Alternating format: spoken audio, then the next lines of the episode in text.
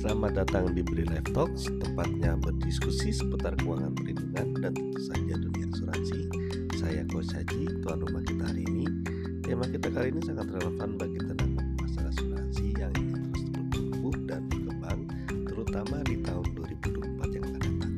Bagaimana mengembangkan diri sebagai tenaga pemasaran asuransi yang sukses? Yuk simak sama-sama. Pertama-tama mari kita bahas mengapa pengembangan diri sangat penting bagi tenaga pemasaran asuransi.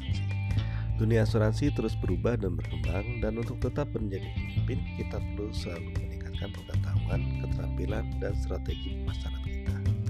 Salah satu langkah pertama dalam mengembangkan diri sebagai tenaga pemasaran asuransi adalah melibatkan diri dalam pendidikan dan pelatihan terus-menerus.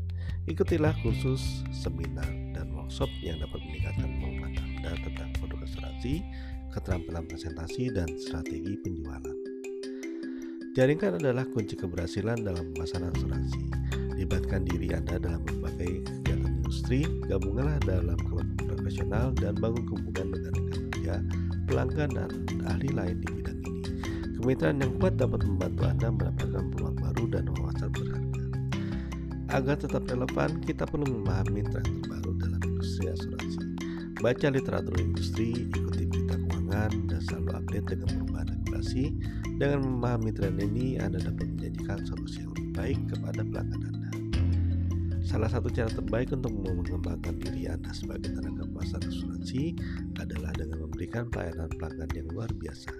Dengarkan kebutuhan pelanggan, berikan solusi yang sesuai, dan lakukan tindak lanjut yang baik. Pelanggan yang puas bukan hanya menjadi pelanggan setia, tetapi mereka juga dapat Terakhir, jangan takut untuk melakukan evaluasi diri secara teratur.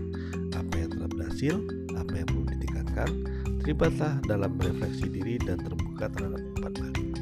Ini akan membantu Anda terus berkembang sebagai tenaga pemasaran asuransi yang sukses. Itu dia teman-teman, diskusi kita mengenai cara mengembangkan diri sebagai tenaga pemasaran asuransi. Semoga tips-tips ini memberi bawa inspirasi bagi Anda yang sedang berkecimpung dalam dunia pemasaran asuransi. Jangan lupa untuk terus mengikuti Live Talks untuk pemasaran lebih lanjut seputar keuangan asuransi. Saya dengan Coach dan sampai jumpa di episode berikutnya.